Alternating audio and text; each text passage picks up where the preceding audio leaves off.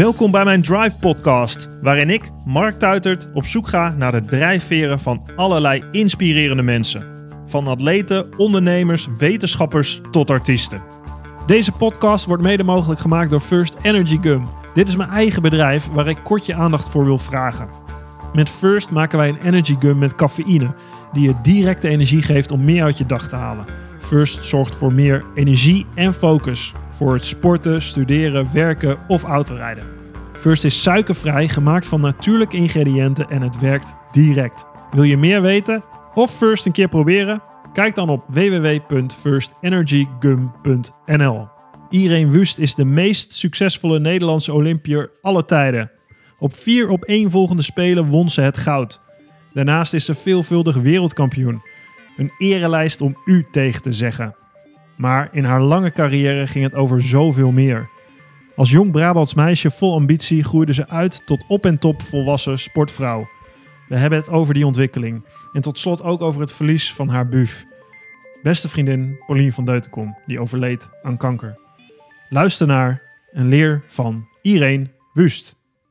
Tjarda zitten we in Heerenveen. Ja. Irene Wust tegenover mij. Hoe vaak ben jij hier al niet geweest? Hoe vaak heb jij hier niet geslapen? Oh ja, ik ben gestopt met tellen van, eh, van nachten. Maar ehm, ja, veel met TVM. Eh, later nog met eh Just Lease, met Telenet. En hopelijk deze winter weer. Maar ja, nee, de, de- ik denk dat je er een beetje bang van wordt, de hoeveelheid nachten. Ja, dat snappen mensen niet helemaal. Want je woont hier eigenlijk om het hoekje en toch slaap je in een hotel, hè? Ja, ja, 300 meter verderop, hemelsbreed. Ja, bizar is dat eigenlijk. Ja, ik heb het ook altijd gedaan natuurlijk. Hey, laten we beginnen bij jouw liefde voor schaatsen. Volgens mij is dat ergens ontstaan bij een Elfstedentocht, of niet? ja, klopt. Ja, in 1997, de laatste. En eh, ja, mijn vader deed mee. En ik was eh, een meisje van eh, tien. Ik ging 's ochtends met mijn broer kijken bij de start. En ik dacht, ja, dat schaatsen, dat, dat wil ik ook. Ik, vond, ik was echt gelijk verkocht. Ik vond het zo mooi. Ging je meteen, zat je al op schaatsen of meldde je Nee, aan? nee, nee. Ik, had, ik zat op hockey en op tennis. Allebei natuurlijk ook bloedfanatiek. Maar ehm, Jawel, dat zat er al wel in. ja, dat zat er al wel in, ja. Als je als kind al, Ja, wat dan? Alles willen winnen. ja, alles willen winnen. Bij hockey was ik vaak eh, vervroegd over. Dus qua leeftijd mocht ik nog niet naar, eh, nou ja, wat is het dan? De C1 en daarna de B1. Eh, en bij tennis eh, wou ik eh, op les bij de jongens, want de meisjes sloegen niet hard genoeg. en dan eh, clubkampioenschap eh, meedoen met eh, categorie hoger. Maar is dat, is, is dat, he- zit dat in de familie of ben jij dit gewoon? Nee, ja, dit ben ik. Ja, geen idee. Ja, Dit zit gewoon al vanaf je geboorte in. ja. Het Ja. willen winnen. het willen winnen. Ja, en het mooie is dat ik het. ehm, ik heb vier neefjes en ehm, de jongste van mijn broer, daar herken ik veel in. Die heeft dat eh, hetzelfde. Ja. Zit ergens een soort genetisch defect ja, bij. erg. Ja, bijna wel, ja.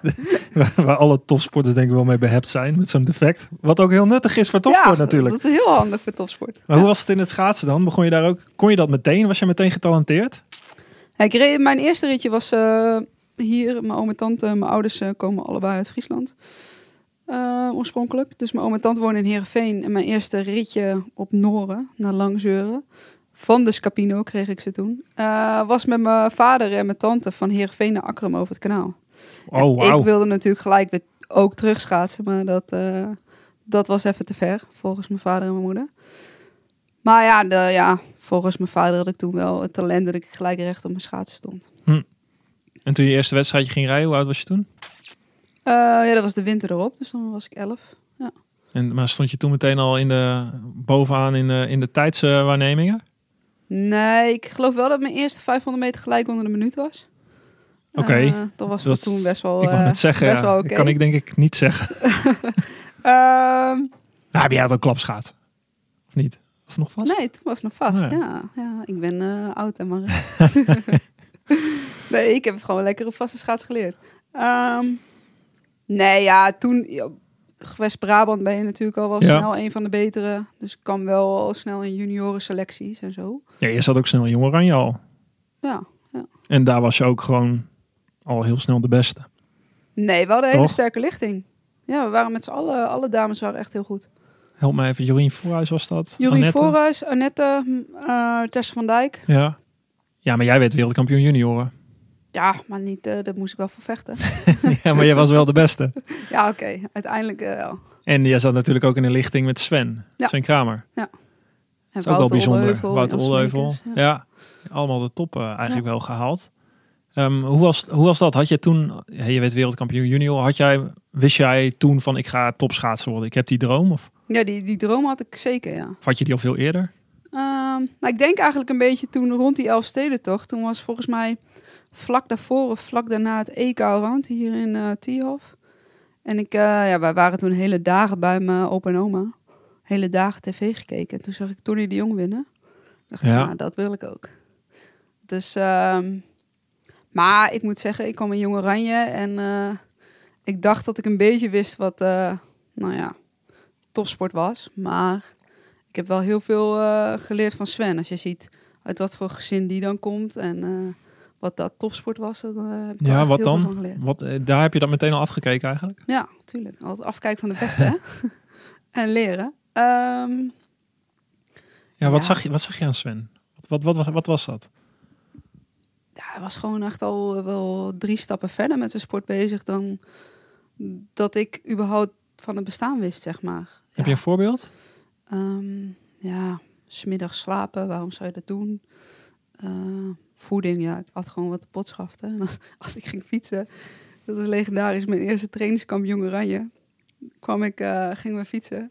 En dan, ja, nu neem je gewoon, eh, zeg maar, een verantwoorde reep mee, zeg maar. eh, van, ja, een bossenbol mee. ja, nou, ik had dus Mars en Snickers in mijn zakje. Ja, als ik, dat was ik gewend. Als ik Ja. honger had, nou, dan nam ik een Mars of een Snicker. En wat zei Sven dan bijvoorbeeld? Nou ja, de, vooral de meiden moesten daar heel erg om lachen. Dus daar ben ik wel een tijdje mee gepest. Maar eh, nee ja, het is gewoon zijn manier van eh, hoe hij naar topsport kijkt. Met inwerken, uitwerken. Alle, hoe hij technisch ermee bezig was. Dat was voor mij wel een eh, wereld die open ging. Gewoon een totaalbeleving. Ja, ja. Niet alleen even langskomen trainen, hard schaatsen, maar gewoon je hele leven zo Ja, inrichten. Ja. Dat had hij natuurlijk ook wel van huis, huis uit meegekregen Ja. met Iep. Maar ja, dat was voor mij wel een eye-opener. Dus dat nam je over. Nou ja, niet alles, maar leer je natuurlijk wel. eh, iedereen doet het uiteindelijk op zijn Mhm. of haar manier, denk ik. Maar daar heb ik wel veel van geleerd. En eh, eigenlijk jij en Sven, ja, jullie braken tegelijkertijd door. Jullie waren nog junior. In één keer met de senioren mee. Meteen al ook met de top mee. Ehm, het jaar daarna gaan jullie naar TVM. Je gaat naar TVM. Grote ploeg. Het zijn de jaar, dat is volgens mij het jaar van Turijn ook. Ja. De Olympische Spelen. Je, wordt- je wordt bij de senioren meteen voor de leeuwen geworpen in een Olympisch jaar. Ja. Groot talent, dat ziet iedereen wel. Maar goed, we Ja. moeten het maar even gaan doen. Ja. En dan... Ja, dan, ja, dan heb je dus als eerste die enorme bewijsdrang. Tenminste, dat heb ik dan. Want ik wil natuurlijk wel laten zien dat ze de goede keuze hebben gemaakt. Oké, dat was wel echt externe bewijsdrang ook om te zeggen van hé, hey, ik, ik kan dit. Ja, precies. Ja. En daarvan dacht ik van, eh dat wou, ja, wou ik natuurlijk niet onderdoen. eh, bijvoorbeeld voor, eh, weet je, ik, ik trainde dan met Renate. Die was natuurlijk tien jaar ouder, tien jaar meer trainingservaring. Zilveren medaille, Zilveren medaille, van ja. Salt Lake. En ik keek echt wel een beetje op Ja. tegen die ploeg. Ik bedoel, eh, Jochem Uitenhagen was Olympisch kampioen. Gerard van Velde was Olympisch kampioen. Dus was wel even van, oké, ik kom even eh, in een andere setting. En nou, ja, ik, ik had heel erg van, ik wil me wel, eh, ja, wel laten zien dat ik een meerwaarde ben voor de ploeg. Dus dat ging ook wel, ehm, nou ja, ik denk ongeveer rond deze periode kwam, kwamen we er ook wel achter dat het goed fout was gegaan. Dus was ik wel even eh, goed over de kop. Want dan gewoon te hard getraind, Te te, hard zwaar. getraind, ja. Gewoon, eh, en natuurlijk niet eh, aan willen geven eh, aan eh Gerard Kemkers van... eh, ja, ik ben eigenlijk wel moe natuurlijk. Een beetje grote voordoen en... Ik bijt wel vast, ik ga ja, wel door. Ja, ja. gewoon eh, dwars door het rood. Ehm, toen hadden we de eerste drie kilometer in Erfurt. En toen reed ik dus met hangen en wurg 4,24. Ik kon gewoon niet harder. Terwijl als, als junior reed ik gewoon op Moskou 408. Ja, Dus dat was wel... dat was wel 15, 16 seconden verschil. ja, dat was wel dramatisch. Dus toen zag je dat, oké, we gaan naar Insel. De rest gaat op trainingskamp en jij gaat op vakantie. Met andere woorden, je gaat één keer per dag trainen. En de ene dag is schaatsen en de andere dag is even fietsen. Dus eh, ja, toen dacht ik wel even van, nou, komt dit nog goed? Ja. Ja. als je hier zo jong bent, dan eh, ja, herstel je eigenlijk ook gewoon weer heel snel. Ja, want ik weet nog, jij ging volgens mij ging jij toen mee naar de Turijn World Cup. Ja. In eh, december, dat was dan de grote test voor de Olympische Stelen, Spelen twee jaar later. Jij reed B-groep, toch? Ja. En je zette de snelste tijd neer. Ja, maar goed, dat is natuurlijk wel B-groep drie kilometer. Dan heb je wel behoorlijk voordeel, want je hebt kwartetstart. Dus je kan met, ben met vier in de baan. Ja, oké, maar iedereen, ja, je, lag, je bent junior. Je komt net bij de grote mensen kijken, heel getalenteerd. Je lag op je gat nog een paar maanden eerder. En nu reed je de snelste tijd in een hele prestigieuze World Cup. Want dit was gewoon de laatste grote test internationaal eigenlijk voor de Spelen. Wanneer iedereen weer ging trainen en zich helemaal op de Spelen ging focussen. Ja. Dus dat was het eerste signaal. Dat moet de burger moed hebben gegeven, denk ik. Ja, zeker. Ja. Ja. En tuurlijk is het... ehm, ja, je weet zelf natuurlijk wel dat een B-groep in, in zo'n situatie wel echt voordeel geeft. Maar het geeft Ja. wel voor jezelf heel veel vertrouwen natuurlijk. Absoluut heb ik daar vertrouwen getankt en gedacht van nou, Nou, als ik nu het barenkoor heb staan, het zou mooi zijn als ik, als ik me dan ooit als ik me plaats. Maar dat was wel best wel lastig dat OKT, want toen had je dus nog al die beschermde statussen van oh iedereen. ja, alle kruisjes. ja. Ja, Dus de enige reden of de enige manier om het te kunnen plaatsen was eh, winnen. Dus ik moest eh, alleen bij winst zou ik me plaatsen voor de spelen. Als ik tweede zou worden, dan zouden alweer allerlei beschermde statussen voorrang hebben. Ja. En eh, ja, dat OKT dacht ik van ja, ik ben hartstikke jong. Ik ga er gewoon van genieten dat die al vol zit, want ik vind niks moois dan dat. En ja, ik, eh, ik vloog daar over het ijs heen. Ja. Ik won daar eh 1500 en 3 kilometer. en je vloog twee maanden later nog een keer over het ijs heen. Ja. Je werd Olympisch kampioen. Ja. 19 jaar. Ja. Dat is toch bizar? Ja, dat, ja, dat is heel bizar, maar dat is ook... ehm, ik denk dat dat de enige moment in mijn carrière was. En daarna kon het ook niet meer. Maar dat je onbevangen in een flow zit. Ik, ik kwam daar aan in, eh, in Turijn. En ik vond, ik vond het al magisch dat ik naar de Spelen ging. En eh, iedereen zei tegen me, "Ah, je bent nog jong, ga lekker leren, doe ervaring op. Wat dacht je toen? Ja, Ja, doei. Ja, Natuurlijk. ja, hoezo? Ja. Ehm, maar ik vond het daar allemaal fantastisch. Mhm. Ik bedoel, waar anderen aan het klagen waren over, eh, weet ik veel, het ijs en dat het smerig was en het was een beetje een bouwput. En ja, ik vond het alleen maar, oh, die eetzaal. En ik vond alles gewoon leuk. Je kon naar de kappen gratis, je kon een spelletjeshal. Het was, ik was echt zo'n kind in een snoepwinkel. Ja, maar dat zou je ook af kunnen leiden. Ja, maar Gerard zei heel bewust, doe dit drie dagen. Doe alles in het Olympisch dorp wat je wil doen. En daarna gaan we focussen. Dus McDonald's eten, naar de speelhal. Ja, dat heb je allemaal ja, ook. allemaal gedaan. Ja, ik denk, ja, helemaal oké, dan ga ik nu McDonald's eten. Want dan, ja. Dus, eh, Ja, maar dat doet geen atleet natuurlijk. Die gaat eerste dagen, ja, waarom ook eigenlijk niet? De eerste paar dagen, doe het maar. Dan kun je Ja. daarna afsluiten ja, precies. eigenlijk. Dan heb je ook niet meer de, de verlangen daarna. Ja. Dus ja, en ja, ik reed daar echt eh, alles, ja, ik vond alles leuk. Schaatsen ging echt belachelijk goed. Ik weet nog, eh, ik weet ook nog dat ik de dag voor, voor de wedstrijd, eh, was natuurlijk heel, ja, Renate had die datum al rood omcirkeld. Want Ja. vier jaar eerder was, eh had ze zilver gewonnen. En dat ik naar Gerard ga. Ik zei, Gerard, ik weet dat Renate voor goud gaat. Maar eh, ja, ik voel me eigenlijk ook wel goed. Kan ik daar ook voor gaan? Dus ja, ja, ja, dat weet ik. Oké. Ik was echt gewoon stuiterbal. Kan ik nog iets doen? Mag ik nog een tempo rondje? Hou nog maar een beetje energie bij je. Ja. Ik snel maar één tempo rondje. Dat is goed. Doe nog één 400 meter, sub. Ik heb de snelste tempo ronde Laagland ongeveer gereden. Ik heb vorig jaar pas weer sneller gereden. Ik reed daar 26,8. Gewoon vanzelf. Ja, gewoon omdat je niet nadenkt. Je bent gewoon aan het genieten van het schaatsen. En, Heb je daarna in je hele carrière wel eens naar terug verlangd? In dat moment? Ja. want dat, dat was de... Ja, daar stond je aan de start. En de enige die iets van zichzelf verwachtte, was ik natuurlijk zelf. Voor de rest kon ik daar gewoon echt anoniem aan de start staan. Ja. Ik bedoel, al was ik ehm, daar 50 geworden of 60, dan had iedereen oh, super, echt super goed gepresteerd. Zo jong, zesde op de Spelen, fantastisch. Maar je werd Olympisch kampioen. Ja. En, en daarna? Dat, wat, wat, daarna is alles anders geworden, toch?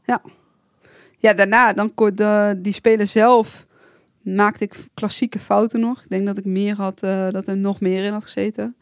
Maar eh 1000 meter eh, was echt zo'n klassieke fout dat je op je tegenstander rijdt. Ja.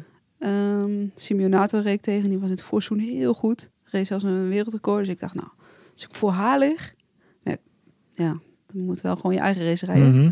En de 1500 meter zat ik in de laatste rit. En de rit voor mij reed Cindy Klasse, die was ook eh, in het voorseizoen wereldrecord gereden. En die reed eh, 1,55. En ik dacht, ja, dat heb ik alleen nog maar op hoogland gereden. Dat bestaat niet op laagland. Ja. Dus ja, toen was ik ook al uitgeschakeld. dus eh, dat waren wel klassieke fouten. En ja, je leeft daar een beetje in een bubbel. Dus je krijgt dan wel iets meer media, aandacht Ja. van NOS en zo. En Maar dan kom je thuis daarna. ja, nou dan is het wel echt gek. 19 jaar en ik, jij was ook het meisje dat uh, alles leuk vond en ook uh, dat zo riep, maar gaaf. ja, knallen, knallen, gaaf. Ja, nee, ja, dat, ja, toen kwam ik thuis en toen stond, uh, ik denk wel letterlijk de wereld op zijn kop. Zeker in Goorlen. Kun je daar eens doorheen lopen? Hoe, je daar, hoe, hoe ging dat daarna, die hele zomer daarna? Ja, ik, ik weet het beetje wat een Olympisch kampioenschap met je doet natuurlijk. Maar bij, je, bij jou was het op 19 jaar in één keer de... Je, ja, je, er komt zoveel op je af. Ja. ja, ik vond het eerst natuurlijk kom je terug en dan ben je een beetje moe van de spelen. Maar dan heb je een huldiging en dan is allemaal heel overweldigend en alleen maar fantastisch. En um, nou ja, dan, dan is het eindseizoen en dan denk je dat het wel een beetje weg hebt. Maar ja, Olympisch kampioen blijf je voor de rest van je leven. En die zomer kwam ik ook wel een paar keer erachter dat het niet alleen maar leuk is. Dat Wat dan? Het, uh, nou ja, dat je, eh, ik, ik vind nee zeggen heel moeilijk. En uh, dat was natuurlijk allemaal nieuw. En je wordt echt overal uh, voor gevraagd. Voor je oude basisschool tot ja. de plaatselijke voetbalclub. Tot, nou ja, echt alles. Nou, dat gaat niet. Je kan niet alles doen, dus dan moet je nee zeggen. Dan moet je dus mensen teleur gaan stellen. maar ook, ja, ik werd in één keer overal herkend. En soms is het leuk, alleen ja, het is niet altijd leuk. En ik was dat natuurlijk totaal niet gewend. Als ik dan met vriendinnen in Tilburg uh, liep of zo, dan uh, ja, moest je in één keer handtekeningen uitdelen ja. en op de foto. En... en je kreeg ook commentaar eigenlijk op wie, wie je was. Ja, mensen vonden in één keer heel veel van ja. je. Dat was ik ook niet gewend. Ik, had veel, ik leefde altijd in een veilige bubbel van mijn familie en, ja. uh, en het schaatsen. Nee, maar je was ook niet bezig met hoe je overkwam of hoe nee. je... Dat was gewoon wie je was. Uh, knallen, schreeuwen. Ja, Daar ja. kreeg je commentaar op. Natuurlijk uh, liefdesrelaties en dingen waar, waar mensen over iets over vinden. Wat was, wat, hoe was dat? Ja, dat was natuurlijk iets later. Maar um, ja. Dat was al voor Vancouver eigenlijk. Hè? Ja, ja, voor, ja. Maar ja, het leven, je leeft eigenlijk als het ware onder een vergrootglas. En dat vind ik wel, um, ja, dat vind ik het allermoeilijkste, denk ik, van, um, van topsport of van, van een goede topsporter zijn. Uh, dat je daarnaast dan dus automatisch een soort van bekende Nederlander bent. En dat je dan alles wat je doet is onder een vergrootglas. En dat vind ik wel, uh, is niet altijd makkelijk. Als je nu met wat je nu allemaal weet en hebt meegemaakt, en je hebt veel meegemaakt, daar gaan we zo op komen. Uh, terugkijkt naar dat meisje van toen. Wat zou je dan willen zeggen? ja, ik zou willen zeggen van geniet er nog maar langer van. Maar ja dat, ja, dat is een beetje een utopie. Want ja, het is gewoon... Dat gaat niet. Je kan, ik, kan, ik kan nu wel heel erg verlangen dat ik weer dat onbevangen meisje ben. Mm -hmm. um, maar zou je er een advies kunnen geven op, op basis van wat je nu weet? Zeg maar, had je, natuurlijk kun je, je kan er niet, je, je doet wat je doet. Het is zo gelopen en, en, en ja. daar heb je zelf heel veel van geleerd. Nou, proberen iets minder aan te trekken van wat anderen van je vinden. Ik denk dat dat. Uh, ik denk dat ik dat mezelf dan zou willen meegeven. Nu terugkijkend ja. op dat ik 19 was. Want de mening van die andere mensen, raakte je dat? Uh, ja, ja. En wat, waren die, wat was dat dan? Nou ja, inderdaad, dat schreeuwen of uh, bepaalde keuzes die je maakt, moet je dan weer anders doen. Iedereen vindt in één keer van alles van je. En ja, maar wie dan? Ja, gewoon, uh, weet niet, genoeg mensen die achter een laptop zitten anoniem te typen. Of, op social media. Social media, ja, dat was toen iets minder, maar je had ja. van die forums en inderdaad. Uh, wat had je toen nog? Keek je daar ook naar? Luisterde je daarna? Zocht ja, je dat ook op? Nee, ik zocht het niet op, maar ik, op een of andere manier kreeg ik toch altijd wel te horen of zo. Links of rechts. Of kranten. Ik weet ook wel, uh, dat vond ik ook wel moeilijk. Vanaf nou ja, 12 februari 2006. Als ik minder was dan goud, dan was het niet goed genoeg. Ja. Dus als ik dan, uh, nou, ik had altijd een beetje moeite om in het seizoen, moest ik even een beetje ingroeien. Ja. En dan stond er al gelijk altijd weer in de krant van wonderkind wust faalt. En dat soort dingen. Dan dacht ik, ja, uh, dan werd ik tweede op het WK achter Paulien. En dan had ik het echt super slecht gedaan. Jongens, ik ben ook gewoon tweede geworden. Hè? Dat, hoezo is dat super slecht? Maar trok je dat echt aan? Die, dat, je, zou, ja. je zou kunnen denken, ja, dat is een journalist die dat schrijft. ja, ja, Dat, zou, dat denk ik nu. Maar dat dacht ik toen niet. Toen dacht je echt van, ja. fuck, ja. dit is echt niet goed. Ja, nou ja, ik, ja het, het, het, voelde gewoon als, als dat ik... Um, ik denk dat ik het beter kan omschrijven dat ik um, mijn identiteit toen verleende aan uh, het schaatsen. Dus als, ja. als ik goed presteerde, dan voelde ik me zeg maar een goede topsporter en een, een, bijna een goed mens. Ja. En als ik slecht presteerde, dan voelde ik me ook gewoon waardeloos. Ja. En dat slaat natuurlijk helemaal nergens op. Maar dat was uh, begin van mijn carrière, ging dat wel zo. Ook omdat ze dan, ja, weet je, echt schreven alsof het niet meer goed kwam. Of dat ik beter kon stoppen, bij wijze van toen ik overtraind was. Met schaatsen. Ehm, dat je dan gewoon bijna gaat twijfelen aan wat andere mensen opschrijven. Ehm, Ja, dus de, de, jij bent de schaatsprestatie geworden. Ja, ja, ja. En daar verleende ik echt maar alles aan. Ja. Terwijl dat natuurlijk echt helemaal nergens op slaat. Nee, nee ja, ik ben heel blij dat jij daarachter bent inderdaad. Want dan hebben, ik denk dat heel veel mensen daar wel mee worstelen hoor. Je hebt heel veel gedreven mensen eh, natuurlijk. eh, nou, daar ben jij een groot voorbeeld van.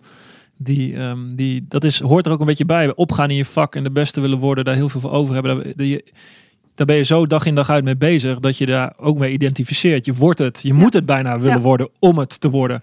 Ja, om het te kunnen. Maar nou, te ik kunnen. toch denk ik, ben ik daar nu van anders van mening. Ja, Maar vroeger was ik daar inderdaad wel van overtuigd. Ja. Nee, ik ben ook anders van mening hoor. Ik denk dat, je, ik denk dat dat een hele wijze les is. Juist die mensen. eh, ik denk ook wel dat het voornamelijk in die leeftijdscategorie zit. Tussen de 20, 25, 26 misschien wel.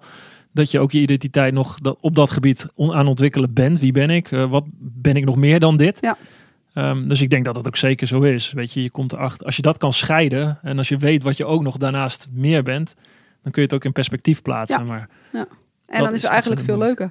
Ja, Want dan precies. kun je ook je schouders ophalen als iemand een keer iets schrijft. En denk je, Ja. is goed. Dat is een gek paradox eigenlijk, hè? Dat, je, dat, je, dat je het leuker kan vinden en misschien daardoor ook nog zelfs beter kan gaan presteren. Dat denk ik wel. Want en er je- nog blijer mee kan zijn. Ja. In plaats van ongelukkig kan zijn op als het een keer niet lukt, omdat dan je dat als persoonlijke pijn voelt of zo. Heftig. Dan ga jij als Olympisch kampioen. Nou ja, je wint. Ja, ja, het is wel grappig met jou. Of grappig of gek. Altijd gaat het weer ook weer terug. Er, komt, er zit altijd wel weer iets tegen. Het is nooit zo. Hè, Sven heeft, ik vergelijk je, het is een mooie vergelijking met Sven ook wel, omdat jullie leeftijdsgenoten zijn en, en nou, vrouwelijk de beste schaatsers, mannelijk de beste schaatsers zijn die we ooit gehad hebben. Die, die, hè, die heeft ook zijn struggles gehad, zeker, maar die is al iets stabieler altijd in die prestaties geweest. Bij jou was het ook helemaal in het begin van het seizoen. Hè? En natuurlijk, ik kijk nu ook vanaf de andere kant bij de NOS af en toe naar. En wij weten het van jou en ik weet het van jou natuurlijk. Maar je denkt ook van, hè? Hoe kan dat toch steeds? En waar zit die worsteling toch steeds? Het is nooit alsof het, alsof het goed gaat dat je het bijna denkt van, nou, nu, nu gaat het weer de andere kant op. Er zit wel weer iets tegen. Er, er gebeurt wel weer iets. Het is nooit rustig. Nee, ja, was het maar een keer rustig. Ja, ik heb niet echt, meestal niet zelf in de hand. Nee, hè? Nee, helaas. Hoe ging dat naar Vancouver toe? Je, je, da- daar was je, nou ja, daar was je de favoriet. Eh, helemaal in de jaren daarnaartoe eigenlijk. Ehm, Nou, ik denk dat ik in Vancouver al geen favoriet nee, was. ik bedoel de jaren daarnaartoe in Vancouver zelf was het juist. Toen worstelde je weer. Ja, ik, ik ging dus, won natuurlijk eh, Olympisch goud in 2006. ja, 2007 was echt eh, een Hosanna-jaar. ja. Wereldkampioen allround, wereldtitels 1000, 1500. En toen 2008 eh, was, was al een beetje een, een struggle, maar we, won ik nog wel eh, Europees kampioenschap. En tweede op week allround. Ja. En Was dat, dat was achter Paulien? Achter Paulien, ja. En ehm 2009, ja, daar kwam eigenlijk een beetje echt overtraindheid aan het licht. En dat is Ja. eigenlijk dezelfde valkuil als ehm, mijn eerste jaar bij TVM. En toen trok Gerard wel echt op tijd aan de rem. En nu ging ik op mezelf wonen. Ehm, ja, train ik eigenlijk altijd bij Paulien. Ja. Eh, wil je ook niet echt voor elkaar onderdoen. Paulien was ook niet van het eh, doe maar rustig en kijk maar nee, even. Nee, dus die was ook wel van, eh, nou, even lekker, even lekker rammen. Dus ehm, Elkaar opjutten. ja, maar ook wel op een positieve manier. Ja. Ehm, maar ja, daar- op een gegeven moment, ja, die, die, die arbeid-rust verhouding was echt totaal uit balans. Was dit 2009 naar 2010 toe of seizoen 2009? Nee, 2008, 2008, 2009. 2009, ja. En toen, ehm, ja, toen was ik echt een beetje, beetje van slag eigenlijk. En toen kwam ik erachter dat overtraindheid is eigenlijk best wel heel heftig. Want het is niet maar alleen maar van, eh, oh, ik heb te hard getraind en ik ben moe. Maar het is ook, eh, psychisch doet het ook echt heel veel met je. Ja. Dus ik, ja, ik durf eigenlijk wel te stellen dat overtraindheid hetzelfde is als een burn-out hebben. Ehm, Eens. ja, dus ik had ook, eh, ik werd ook wel een keer overvallen door een paniekaanval in het hotel. Dat ik echt dacht, wat is dit? Weet je wel, gewoon geen controle. Dus, ehm, nou, dat, dat seizoen was echt een struggle. En het was ook een beetje, ehm, ja, bijzonder. Want enerzijds gaf het schaatsen me structuur en houvast. En dus, omdat ik, nou ja, niet meer zo goed wist wie ik was, gaf me ook een bepaalde identiteit. Want ja, wie ben ik dan als schaatser? Ja. Gewoon, dat is helemaal eng. Ja. Eh, anderzijds hield het me in zijn greep. En zorgde het ervoor dat ik ook geen rust kreeg en niet herstelde. Dus het was een heel, eh, heel lang en zwaar seizoen. En ehm, ja, toen ben ik aan het eind van het seizoen ben ik ook hulp gaan zoeken. Want ik dacht, ja, zo, eh, zo gaat het hem niet, eh, niet langer worden. Een psycholoog. Ja, mijn psycholoog. En, ehm, en dan, dan krijg je ook af en toe een, spiegel voor, eh, voor geschoven. En dan krijg je van, oh ja, zo. Wat vertelde die spiegel jou?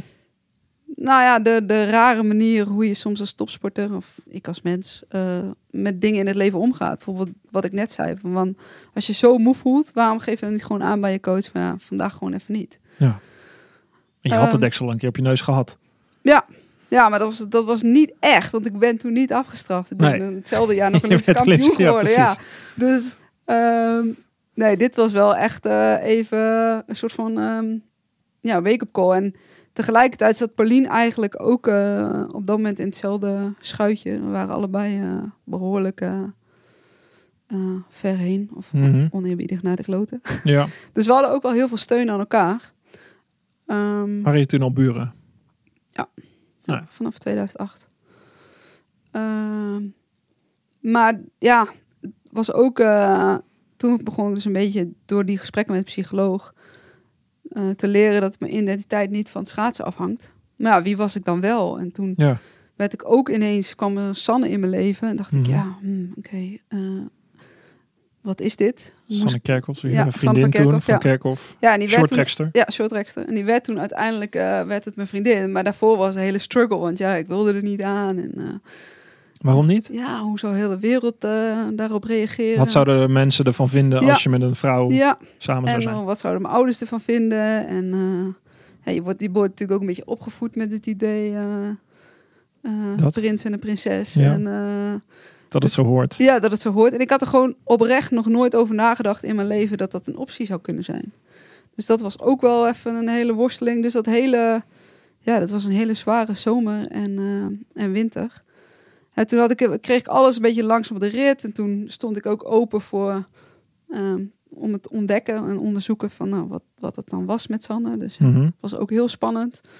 Eh, tegelijkertijd gaf me dat heel veel energie. En was ik verliefd. En daardoor had je ook alweer het gevoel, ik kan de hele wereld aan. En ik denk dat dat soort dingen me wel hebben geholpen om... ehm, ja, dat uiteindelijk de winter van 2010 in Vancouver wel eh, positief is geëindigd. Ja.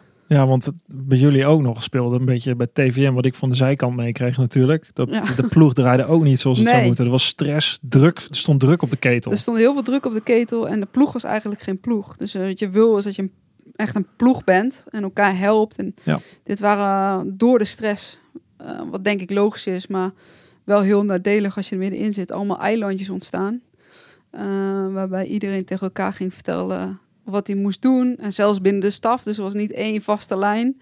Ja, daar word je natuurlijk als schaatsen helemaal eh hoor en dol van. Ja. Dus dat was, eh, ja, dat was wel lastig. Ja. ja, maar dan kom je op een punt en zeg maar, dat vind ik wel weer typerend aan jou dan. Dan, dan heb je dat meegemaakt. Je, je, je gaat door een zomer heen, verliefdheid, meningen van mensen, jezelf ontdekken, identiteit, stress bij een ploeg. Verre van eh, wat, eh, wat je zou wensen waarschijnlijk van, van een Olympische voorbereiding. Waar je structuur zoekt en eh, vastigheid. Als, en dat heb je natuurlijk nooit helemaal in het leven. Maar als atleet wil je dat. Ehm, en dan komen die Olympische Spelen aan. Nou, jij... je, de 1500 meter past bij jou, drie kilometer ook. Die, die, dan kun je jou s'nachts nog voor wakker maken volgens mij. En dan weet je hoe je die moet rijden. En dan start je, dan, dan, dan tover je ja, niet uit het niks. Want tuurlijk, je, je, je bent al Olympisch kampioen. Maar niemand verwacht het eigenlijk. Iedereen weet wel wat je struggles zijn. En dan haal je, het, dan haal je alles uit jezelf op het moment dat het moet, op die 1500. Maar dat is wel een heel mooi verhaal eigenlijk, want daar heb ik eh, heel veel van jou geleerd. Jullie starten de dag voor ons. Ja, En eh, mijn spelen begonnen met een 3. Nou, die ging tot 2200 meter goed. De laatste twee rondjes stort ik helemaal in. Daarna een 1000 meter kwam ik niet van mijn plek af, maar ik had de snelste laatste ronde van het veld. Dus ik dacht, oké, ik, weet je, je gaat hier niet die spelen verlaten zonder een medaille. Dat, ja, dat is gewoon, je bent hier nu, duurt weer vier jaar, dus nu moet je het doen. En nou de hele, we waren natuurlijk maar met drie schaatsers. eh, Renate, Sven en ik. Dus de hele staf was met Sven mee voor zijn 15 meter naar de ijsbaan. En ik was alleen eh, in het appartement. Dus ik had uiteraard even, eh, ga fietsen de dag voor de wedstrijd. Uiteraard natuurlijk schaatsen kijken. Dus ik heb heel aandachtig die 1500 meter eh, bekeken. En het was niet fantastisch ijs daar. En je zag dat iedereen die te snel begon, die, die zakte, ja, die ging gewoon, die ging helemaal kapot in de laatste rondjes. En nou, toen kwam jij en je pakte het echt tactisch perfect aan. Dus toen op dat moment ik bedacht, oké, dit is mijn plan. Zo ga ik het morgen doen. En eh, ik heb verder ook niet, ik heb met Gerard de dag doorbesproken als in hoe laat ik waar heen ga. Maar niet mijn tactische raceplan. En eh, de dag zelf ook eh, heel gefocust, heel erg, ja, dan ben ik heel erg in mezelf gekeerd. Laat ik eigenlijk niemand van buiten meer toe. Dan is gewoon ook, dit is mijn dag, nu moet je het doen. Jouw moment, maak er wat van, zeg maar. En dan wordt mijn wereld steeds kleiner en dan, nou, daar fokte ik mezelf echt een beetje op. Nu moet je het gaan doen, want dit is je laatste kans. En ehm, ik weet nog dat ik, eh, dat ik nou ja, startte redelijk oké. En de eerste ronde voor mij doen niet heel hard reed. En dat ik Gerard op die kruis zag staan van ja, je moet echt een beetje erbij. En ik dacht, ja, is goed, komt de laatste ronde wel. En ja, ik was gewoon... De ontlading zie je gelijk als ik ben gefinished. En dat is helemaal niet de ontlading van... Op dat moment weet ik helemaal niet of het goed is voor een medaille of uh, laat staan voor goud. Maar het was meer de ontlading dat ik trots was op mezelf. Dat ik uh, alles eruit had gehaald. Dat ik de, ja, in mijn eentje dat raceplan had gemaakt. En dat ik dat tot in de perfectie op dat moment uh, kon uitvoeren. En dat was gewoon, ja, daar was ik gewoon heel erg trots op. Gewoon zelf gedaan. Ja, precies. Ja. Dat idee. Na al die struggle, nadat iedereen ja. me afgeschreven had, heb ik in ieder geval dit neergezet. Ja. Ja, en toen het uiteindelijk ook nog goud was, dat was natuurlijk fantastisch. ja. ja, mooi. Ja, ik had er ook, toen ik over de finish trouwens kwam, dat idee. Niet per se zelf, maar wel dat idee van ja, ik heb er alles aan gedaan. Dit is, dit is wat het is. Dit zit erin. Wij, wij zijn overigens, dat was in 1964, ik heb het opgezocht. De, bij de, Ru de Russen, Sovjet-Unie was het toen nog, uh, haalden een uh, Sovjet-Unies, een, een, dame en heer haalde goud op de 1500. Wij waren daarna, ver daarna waren wij de Nederlanders die hetzelfde deden. Ja.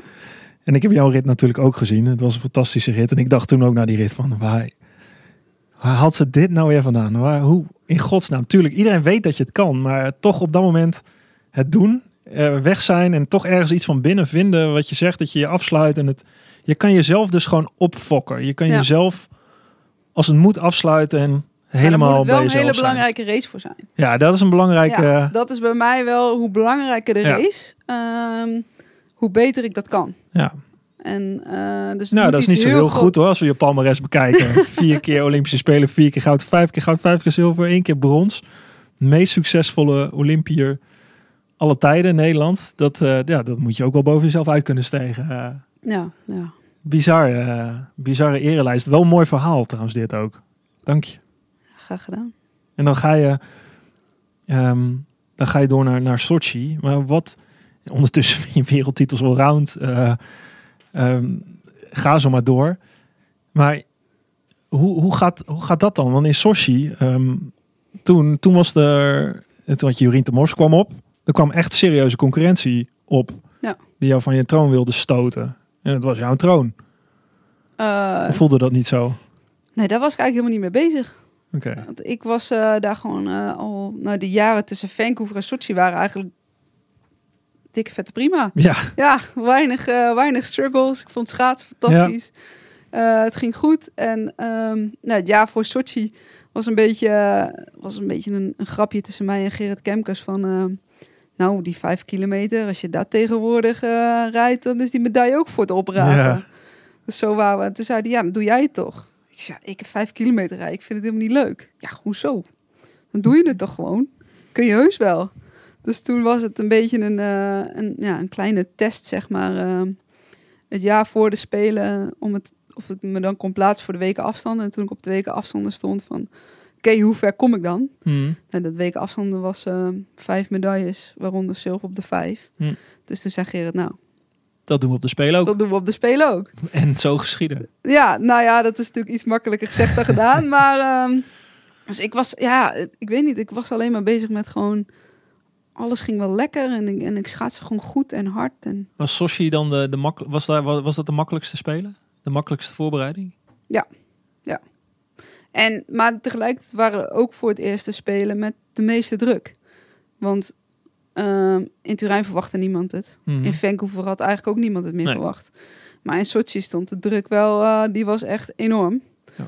Ehm, en als ik daar alles wat minder was dan goud op de drie was ook falen. Dus dat was wel, eh, was wel lastig. Ja. En die 1500, was dat nog? Ja, die 1500 was ook weer... ehm, neem niet weg dat Jorien natuurlijk echt fantastisch goede eh, race reed. En een hele goede, hele goede rit. Zeker. Eh, maar het was wel een beetje zo'n klassieke fout. Jorien die startte heel vroeg. En ik heb die race gekeken in mijn warming-up en ik wist precies eh opening wat ze reed. Ja. Eerste ronde, tweede ronde, derde ronde. En dat wil je eigenlijk helemaal niet. Maar ja, je wil Je ook het wel ook zien. kijken. Ja. En ehm, vervolgens stond ik zelf aan de start. En dan denk je, oeh, een tiende langzamer dan Jorien. Oké, dan zie je het ronde bord van, eh, van Gerard. Shit, weer een tiende te langzaam. En in die race probeer je het dan nog wel om te buigen. Zeg Nee, maar, die je laatste ronde, alles is voor jou. Maar ja, je bent, alleen, je bent niet zelf aan het rijden. Je bent te- letterlijk tegen je tegenstander aan het rijden. Ja. Ja, grappig dat jij, jij kan zoveel uit jezelf halen, maar je kan aan de andere kant ook gewoon keihard afgeleid Ja, zijn. ja. Ja, het is niet dat het gewoon eventjes altijd gebeurt. nee, het is nee ook gewoon, helemaal eh, niet. Ja. ja, dat is ook mooi van topsport, hè? Zeker, absoluut. Er zit zoveel in. Ja. En eh, ja, ze gaat gewoon goud, goud, goud, Korea, goud. Ja. En daarna, daarna eigenlijk was Korea voor jou het eindpunt, zei jij. Want Ja, daarna, je- daarna heb je nog, ja, daarna, dat was, zou de laatste spelen zijn, Ja. inderdaad. En daarna, en, en daarna toe, want ik, klink- klink, zeg nou even makkelijk, maar jij, ja, ja, Gerard Kemke stopte ermee eh na Sochi. Ja. Dus waar je altijd mee hebt samengewerkt. Dus, eh, daarna eh, heb, heb je Nou ja, teams het was gezocht eigenlijk zelf. zo dat TVM stopte ermee. Ja. En toen zouden we nog doorgaan. Ehm, was in eerste instantie de gedachte. Ehm, maar ja, topsporters zijn ongeduldig. En toen zei ik op een gegeven moment... eh, ik kreeg wel aanbiedingen van continu. Ja. En ehm, Ploeg van Marianne Timmer toen. Ja. toen zei ik... Ja, Gerard, eh, gaan we nog door? Of, want ja, Sven gaat naar Jak. Maar je hebt mij nog, je hebt Koen nog. eh, Ja. Wat gaan we doen? Ja, daar had hij heel lang voor nodig. En op een gegeven moment, ja, half mei, zei ik... Ja, ik wil gewoon topsporter zijn. Ik wil trainen. Ik ben gemotiveerd. Ik wil... Ja, hij kon die garantie niet geven. Mhm. En ehm, nou, toen zei ik, oké, dan ga ik ook eh, een andere route bewandelen.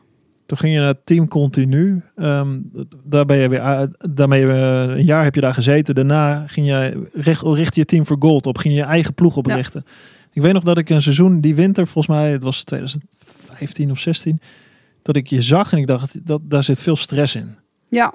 Ja, ondernemen en topsport gaan absoluut niet samen.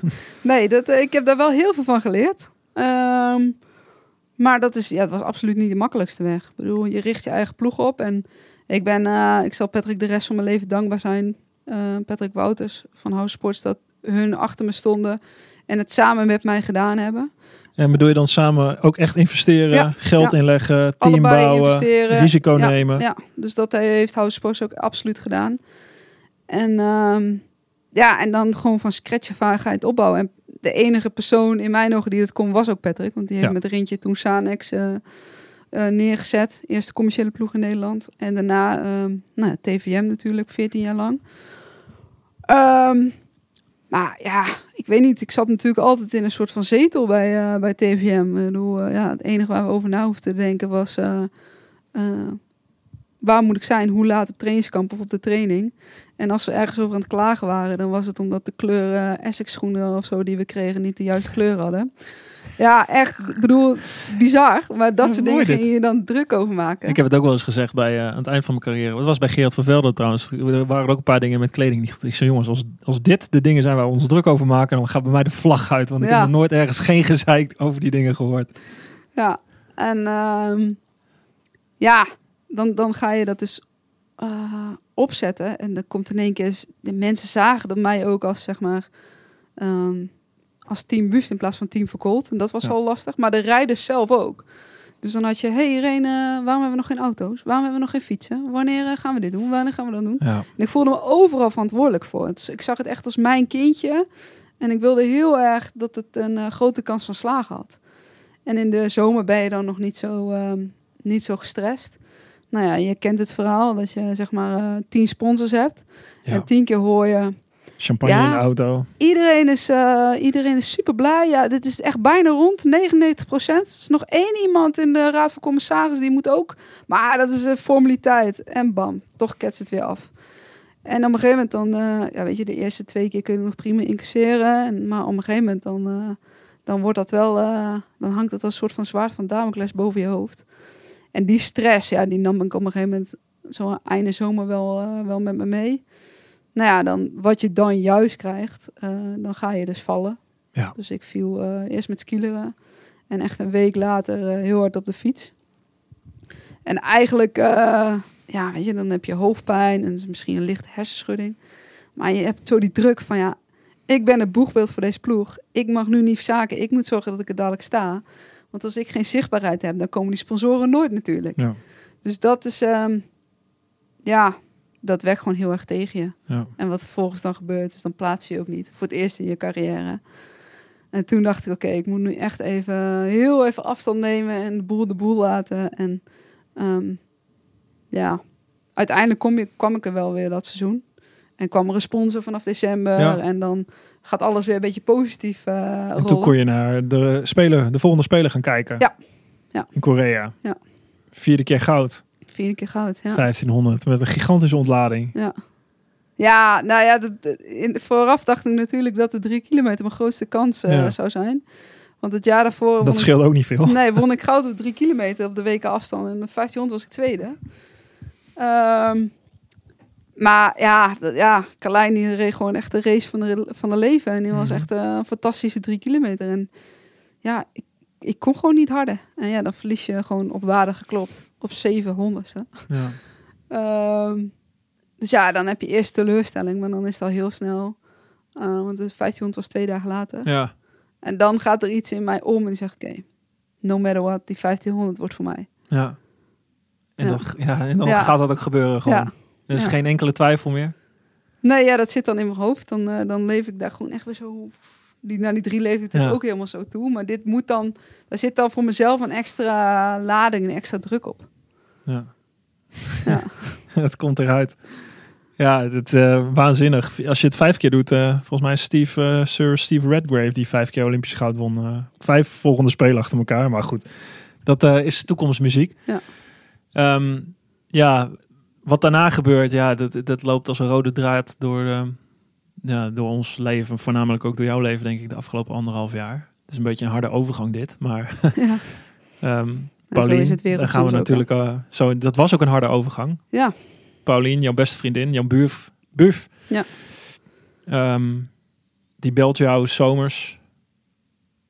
Nou Met- ja, het, het ging wel iets anders. Want ehm, ze was natuurlijk ook nog bij de WK Ja. eh, kijken op de coolste baan Ja. eh, in maart. Ja. Na de Spelen. dus na de Olympische Spelen inderdaad was ze bij de koelste baan. Ja, ja, en we hadden al wel vaak, we, hebben, we belden natuurlijk heel vaak. En zei ze, "Ah, Buf, ik heb heel veel last van mijn rug, maar ik denk dat het van verhuizen komt. En eh, ja.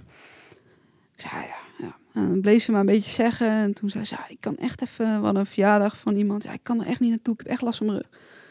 Dus ik zei, "Ah, Buf, ik zei, dan moet je echt eh, overal weer geweest, zeg maar. Manuele therapeuten, fysiotherapeuten. Zei, dan, Schaatsers die last van de rug hebben, dat is... eh, ja, dat, dat, hebben we allemaal. dat is ongeveer één ja, op één. precies. Ehm, dus ik zei, nou, weet je wat, laat dan een MRI maken. Want ehm, ja, voor hetzelfde geld heb je gewoon een hernia. En dan kun je, ja, kun je masseren of behandelen wat je wil. Maar Mhm. misschien moet het dan gewoon wel geopereerd worden. Dan heb je er dan geen last meer van. Ja, ja, ja, is goed, is goed. En, ehm, nou ja, dus, nou ja, ik weet nog dat ze me opbelden van, ja, ik heb dan dan eh, een MRI. En, eh, ja. Ik zeg, goed dat je een beetje, eh, dat je dat zei en ik heb het geregeld. En ik was eh proefrit maken in een nieuwe auto. En Paulien belde mij, dus ik dacht, nou ja, ik wist dat ze die dag die MRI had, dus ik nam op. Ik denk, het zal wel de uitslag zijn. Nou, en toen was het al gelijk, gelijk niet goed, maar het was niet de MRI en het was in een privékliniek. Mhm. Dus ze wisten daar natuurlijk niet gelijk te vertellen wat aan de hand was. Ze was alleen weggestuurd met de woorden dat, het, eh, ja, dat ze er wel voor moest gaan vechten. Toen zei ze, wat moet ik daar nou mee? Dus ja, toen is... eh, ja. Wist ze toen dat ze kanker... eh, Nee, Had nee, nog, nog niet. niet. Nee. Volgens mij had ze een dag later, of twee dagen later, MRI eh, in eh, het AMC. ja. Ja, en daarna is het eh, snel gegaan. Het bleek eh, een heftige vorm van kanker te zijn. Ja. Eh, richting eh, de zomer, schaatsseizoen. Ehm, hoe, hoe, eh, hoe was het voor jou toen je, toen je die winter inging? Wa- wat, wat- waar was je mee bezig? Wat, wat, Ja, het is een, het is heel. Het was sowieso die vanaf die zomer, vanaf het moment dat ze belde, was het al heel onwerkelijk. En ehm, ja, het liefst heb je zoiets van ja, ik, ik laat alles in mijn handen vallen en ik ben er alleen nog maar voor je. Alleen Ja. ik kan toch niet daar 24/7 zitten, want ze heeft natuurlijk ook gewoon Kai en Linne en Ja. ehm, de ouders en eh, familie. Ehm, dus ja, je moet ook wel gewoon schaatsen geef je dan wel weer houvast en structuur en een reden om gewoon, ja, hoe hard het ook is, de wereld gaat wel gewoon door. Ehm, dus ik had me voorgenomen zoveel mogelijk voor Pauline te zijn. Ik denk, ik hoop dat ik dat ook gedaan heb. Maar ja, dan op een gegeven moment dan ga je winter en, en dan ga je wedstrijden ja, rijden. dan gaat je focus toch... Ja, en dat is allemaal heel raar. Ik ben een trainingswedstrijd reed ik dan. En dan ging ik eh, na de trainingswedstrijd dan niet eens uitgewerkt. Stapte ik in de auto en dan reed ik weer naar Pauline toe. Dus het was een beetje een soort van chaotisch leven had ik op dat moment. Ja, Waarin ik, ja, een topsporter wilde natuurlijk gewoon eh, trainen, eten, slapen, rust zeg maar. Nou, die hele regelmaat was ik kwijt. Want ik zat, eh, nou ja, ik kwam er ook... Na een maand kom je dan achter dat het trajectcontrole is. Beetje vervelend. Dus maar ik, ja, ik zat gewoon heel Iedere vaak in de auto eh, op weg van eh Heerenveen naar Vreeland. Ehm, Heb je die in het plakboek gedaan? nee.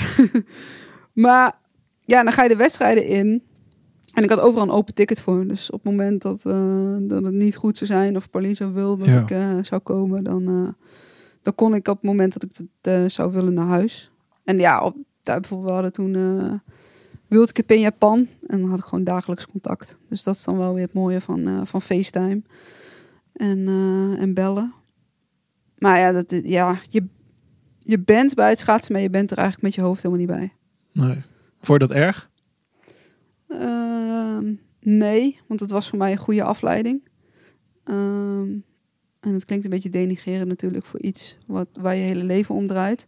Maar op dat moment draait je hele leven alleen maar om, eh, ja, om Pauline. Mhm. En, het, en je voelt je zo, ehm, zo machteloos. Want je hebt natuurlijk scan, scans en nou behandelingen. En ja, gewoon eigenlijk was niks positief. En ehm, er was ook geen steady state. Dat je even op adem kon komen. Dat je even... Nee, het wordt Eh, alleen maar slechter, slechter, ja. slechter. Hè? Ja, het was alleen maar slecht nieuws op slecht nieuws. En dat, eh, ja, dat was wel... ehm, dat was zwaar. Ehm, en Pauline heeft afscheid genomen van deze wereld eh, in januari. Ehm, hebben we die, eh, de begrafenis gehad. Ehm en, en jij zat, het was vlak voor het EK. Ja. Toen, in Colombo. Toen ben je in het vliegtuig gestapt. Ja, dat was geen... Nee. Ja, dat, dat was ook een beetje van... Ga ik het wel of niet rijden? Ja. Uh, maar dat was geen vlucht meer. Nou ja, in de auto stappen was sowieso geen optie, want dan had ik de hele donderdag in de auto moeten zitten. En vrijdagochtend begon het EK. Dus ja, dan maar een privéjet. Eh die Ja. kon dan weer niet op heel veel plekken niet landen. En eh, dat was allemaal Maar heel je erg... vond dat je daar moest rijden eigenlijk, hè? Ja, Toch? ja, ja, als ik... ehm, als eerbetoon aan Paulien, zeg maar. Hm. En dan ging het me echt niet om... Want ja, weet je, ik, ik, ik sliep al slecht eh, in die de periode voorafgaand. En dan was ik heel vaak s s'nachts met Pauline aan het appen, want die sliep ook heel slecht. Ehm, maar ja, daarna natuurlijk gewoon, dan stort je wereld echt even in. Want ik had wel begin van het schaatsseizoen altijd nog een idee van... nou, als dan het schaatsseizoen voorbij is, Ja. dan uh, maakt, me niet hoe, maakt me niet uit hoe we het doen... maar we gaan ergens naar het Mhm. strand en we gaan gewoon nog even mooie herinneringen ophalen. Dus ik dacht dat er nog meer tijd was dan dat er was. En dat was wel een hele harde klap dat dat niet, niet meer zo was. Heb je goed afscheid kunnen nemen? Uh, ja, ja ik, uh, ik heb. Uh, ja. ja, we hebben heel veel gesproken die dat laatste half jaar, de laatste dag. Um, heel Wat heb je er gezegd? Wat hebben jullie elkaar nog verteld de laatste dag? Um, ja, we hebben. Ze, zoals Pauline was, was ze ook die dag zo, um, zo scherp. En ze was juist iedereen aan het troosten. Uh, ze was echt een sterke vrouw. En die ze altijd uh, eh, was. Maar dat was, ze was ze die dag zeker. En ehm, ja, het is natuurlijk wel redelijk privé. Maar ehm, het, ja, het is gewoon heel fijn om alles tegen elkaar gezegd te kunnen hebben. En eh, ja, met een lachende traan was het echt die dag. Dus dat, eh, ja, dat, dat koester ik natuurlijk voor de rest van mijn leven. Alleen ik zou willen. ehm, ja, dat is nog. Ik heb zoveel mooie en fijne momenten en gesprekken gehad. Ik zou zo graag willen dat je dat nog een keer over kan doen. Maar ja, dat, eh, dat gaat helaas niet. Nee. Nee. De weken afstanden, anderhalve maand later, sta jij in Insel. 1500 meter. Ik, eh, gaf commentaar, zat bij de NOS in de studio. Ik weet het nog goed. Ik zag jou starten. Je vriendinnen, team, team Nuis Ja. was, eh, team Nuit was, eh, was in in het stadion. Waar de- jullie vriendengroep, waar Pauline ook onderdeel van uitmaakt. Ja, iedereen wist wat je meegemaakt. We waren bij de begrafenis geweest. Iedereen kende Pauline natuurlijk. We- De beladenheid. Eh, ik zie jou starten en ik denk echt, oeh, dit, ik weet niet, het was een klein beetje rommel. Het Ja. was niet perfect. Het was niet, ik dacht, weet je, nou ja, goed, ga rijden Irene. eh, en en na, na 200 meter of zo, ik, volgens mij gooide je je hand op de rug naar de, naar de 300 meter toe, naar de streep. En ik keek en ik dacht, hè? Wow. Je, je, je schaatste in één keer op zo'n manier, waarvan ik dacht van, nou, volgens mij zei ik nog in de st- studio, of zaten met z'n allen zo van, oh, let even op. Ja, het was, eh, het was bizar, want we skiën elk jaar met z'n allen. Ja, Ja. ook wel eens tegenkomen. De gele, Eh, gele jasjes. ja, de gele jassen. En we hadden van de zomer al bedacht van, nou, skiën wordt hem niet met Paulien dit jaar. Maar dan doen we, eh, we gaan met z'n allen naar het WK eh, in Insel. En de bedoeling was dat Paulien daar dus ook was. Ja. Ehm, dus ik vond het heel fijn dat Team Nuit daar was. En dat ik niet het idee had dat ik, dat ik, dat ik er alleen voor stond. Ehm, maar ja, ik voelde me echt... ja, die, die, vanaf zeg maar de, de uitvaart, vanaf het overlijden... was ik echt vrij weinig waard. ja, begrijpelijk. Ja, ik, ik was meer aan het huilen en slapen wilde niet. En, ehm, dus ja, die 1500, ik dacht van, nou, die, die, dat is Pauline de favoriete afstand. Die wordt voor Pauline, zeg maar. En ja, ik was zo zenuwachtig voor de start. Ik ben nog nooit zo zenuwachtig geweest. Geen speler kunnen daar tegenop. Omdat normaal doe je het voor jezelf. En nu wilde ik het echt doen voor Pauline. En in, in de, op, tijdens de EK kon ik dat echt niet. Want ik weet daar überhaupt niks meer van. Maar nu had ik zoiets van, ja, als deze, deze wordt voor Pauline. En vandaar denk ik ook bij de start had ik zoveel druk, gewoon letterlijk op mijn schouders van oh, deze, dat je het niet voor jezelf doet. En die eerste bocht had ook nog haperingen. En, Ja. en ik hoorde Team Nuit in die eerste bocht. En toen dacht ik, oké, nu moet je normaal doen, nu moet je gaan schaatsen. En toen kwam ik op de kruising en dacht ik, oké, vandaag, vandaag gaan we winnen. De eerste kruising, ik bedoel, het slaat helemaal nergens op. Maar ja, die overtuiging, die, die zat er op dat moment gewoon in. Dat is die iedereen wust overtuiging Ja, die dan naar boven komt. En wat je zegt is wel grappig. De druk, die gigantische druk die je dus jezelf op een of andere manier zo kan opleggen. Omdat je het voor Paulien doet. Dat is dan de druk die je op dat moment Ja. om kan zetten. De druk, het verlies, het verdriet om kan zetten in, in een prestatie. Ja. Een bijna een soort kunstwerk zou je kunnen zeggen, die, Ja, eh, bijna, die ja. 1500. Want je kwam over de streep en dat was... Nee, ik, eh, wij, wij, eh, wij moesten moeite doen om heel onze stem enigszins onder controle te houden in de studio daarna. Dat was natuurlijk prachtig. ja dit, dat is me absoluut ehm, de mooiste race uit mijn carrière. Wat er ook nog gaat komen, maar dat, ja. Boven de Olympische races, boven alle races. Ja. Ja. Ja. Omdat je hem voor iemand anders reed. ja, omdat je hem voor iemand anders rijdt die, je ja, waar je heel veel van houdt, die heel dierbaar is. En ja, het momentum daarop. Het was denk ik ook anders geweest als het een seizoen later was of zo. Ja. Eh, omdat het gewoon echt, nou ja, het was ook nog op de datum dat Pauline wereldkampioen werd in 2008. Dus het was allemaal, ja, het was heel symbolisch. ja, met als ultieme symbool die Ja, Middelvinger in de ja. lucht. Ja, met de ring. Ja. Als fuck you naar kanker. fuck you naar de kanker. Ja. Ja.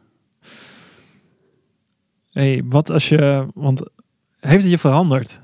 Dat, dat, dat hele... Niet zozeer, je bent Irene is nog steeds Irene. Maar, maar als je nu naar je kijkt, hey, we zijn nu iets verder. Ja, het heeft me zeker veranderd. Ja. ja ik had vorig jaar eh, een heel zwaar jaar. Toen kwam eigenlijk alle stress eruit. En ehm, ja, eigenlijk had ik misschien naar Insel moeten zeggen... oké, nu is het zo mooi geweest, ik ben gewoon op. Je werd nog wel eh, wereldkampioen 1500 en allround. Nee, nee, nee, dat was... Oh, ja, dat nee, zeg maar naar seizoen. Insel. Oh, dat, dat zeggen direct naar Insel bedoel je, Ja, dat ja, seizoen nog. Ja. Want vorig jaar zomer was, eh, ja, was het gewoon op. Ja. En ehm, dus ja, waar ik afgelopen jaar op gepresteerd heb, dat ehm, weet ik ook niet zo goed. Ik denk misschien wel omdat ik ehm, door het overlijden van Pauline ben ik wel anders in het leven gaan staan dat het kan dus in één keer eindig zijn. Dus kleine dingen waar ik me druk om kon maken. ehm, ja, waarom, weet je wel? Je, je wordt zo geconfronteerd met dat je niet in de hand hebt dat het bewijs van, eh, nou ja, over een jaar klaar kan zijn. Waarom niet meer genieten van de dingen die er zijn, dan je druk maken om, om pietluttige dingen eigenlijk. Dus ik ben wel, ehm, ja, ik, ik sta wel anders in het leven. Ik, ik geniet meer van kleine dingen. Denk dat eh, dat was de les, denk ik, die Pauline mij geleerd heeft. Ehm, maar ook ehm, waarom wachten om bepaalde dingen te doen, eh, terwijl het ook nu kan. Eh, dus ik, ik ben bijvoorbeeld van, ja, tot mijn dingen, maar bijvoorbeeld een auto kopen. Ja, waarom zou ik gaan sparen en na mijn carrière? En ja, als ik er nu energie uit haal en ik vind het leuk, dan ja, dan ga ik het nu doen. Mhm. Als ik, ja, is toch treffend dat je met ja, memento mori, noemen ze het in het Latijn, dat, dat je met de dood in gedachten eh, meer beseft hoeveel het leven waard is. Ja, ja, en het schaatsen ben ik dus ook veel meer. eh, ik ben er veel meer van gaan genieten. Dus ik, ben, ik heb een beetje het losgelaten, het moeten. Mhm. Dus het moeten presteren van mezelf. Ehm, ik ga gewoon genieten. En eh, na de, nou ja, in Salt Lake City had ik natuurlijk wel een heel groot doel. Ik wilde graag een wereldrecord rijden. En nou ja, dat lukte niet. Ik werd wel wereldkampioen. En daarna had ik me geplaatst voor de week allround. En nou, ik weet nog dat ik bij die, al die journalisten zat. Ja, wat doe jij hier? En uh, je hebt Ja. dit jaar geen drie kilometer gereden. En ik had zoiets van, allround is het mooiste wat er is. Ik ga gewoon genieten van een allround toernooi rijden. Hoe leuk is dat? Hamer is ook nog uitverkocht. Pak niemand mij af. En ja, dan, dan zie je dus door zo in een wedstrijd te staan... dat je gewoon oprecht geniet van een allround toernooi... van de sfeer in het stadion. In plaats van het oogkleppen op... ik moet nu van mezelf winnen. Ik was daar gewoon heel erg van... oh vet, leuk, weer allrounden.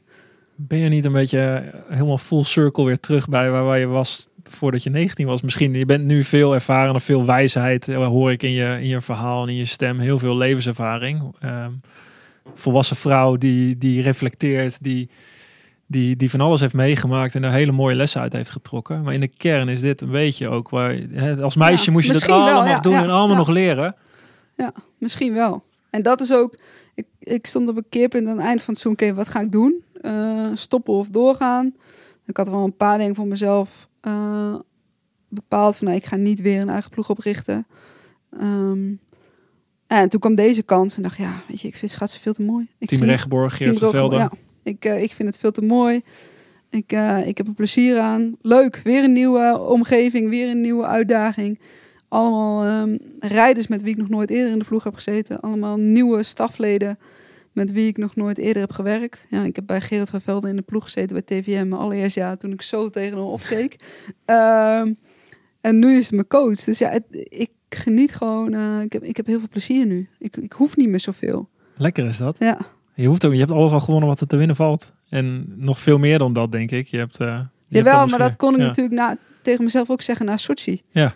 Maar ja, toen moest ik echt nog heel veel van mezelf. Ja, En dat is wel, en uh, het, dat is ook wel weer, als je dus dingen loslaat, dan, dan kan het dus ook. Het kan dus op meerdere manieren. Het hoeft niet per se allemaal krampachtig op een bepaalde manier. En dat is wel mooi om in je carrière, zeg maar als je zo'n lange carrière hebt, dat je op bepaalde punten komt van, oké, dus ik, ik hoef niet alleen mijn identiteit aan mezelf te verlenen als ik goed of slecht rijd. nee. Dat is een les. En nu is het van, oh, het kan ook op een andere manier. Kan het ook.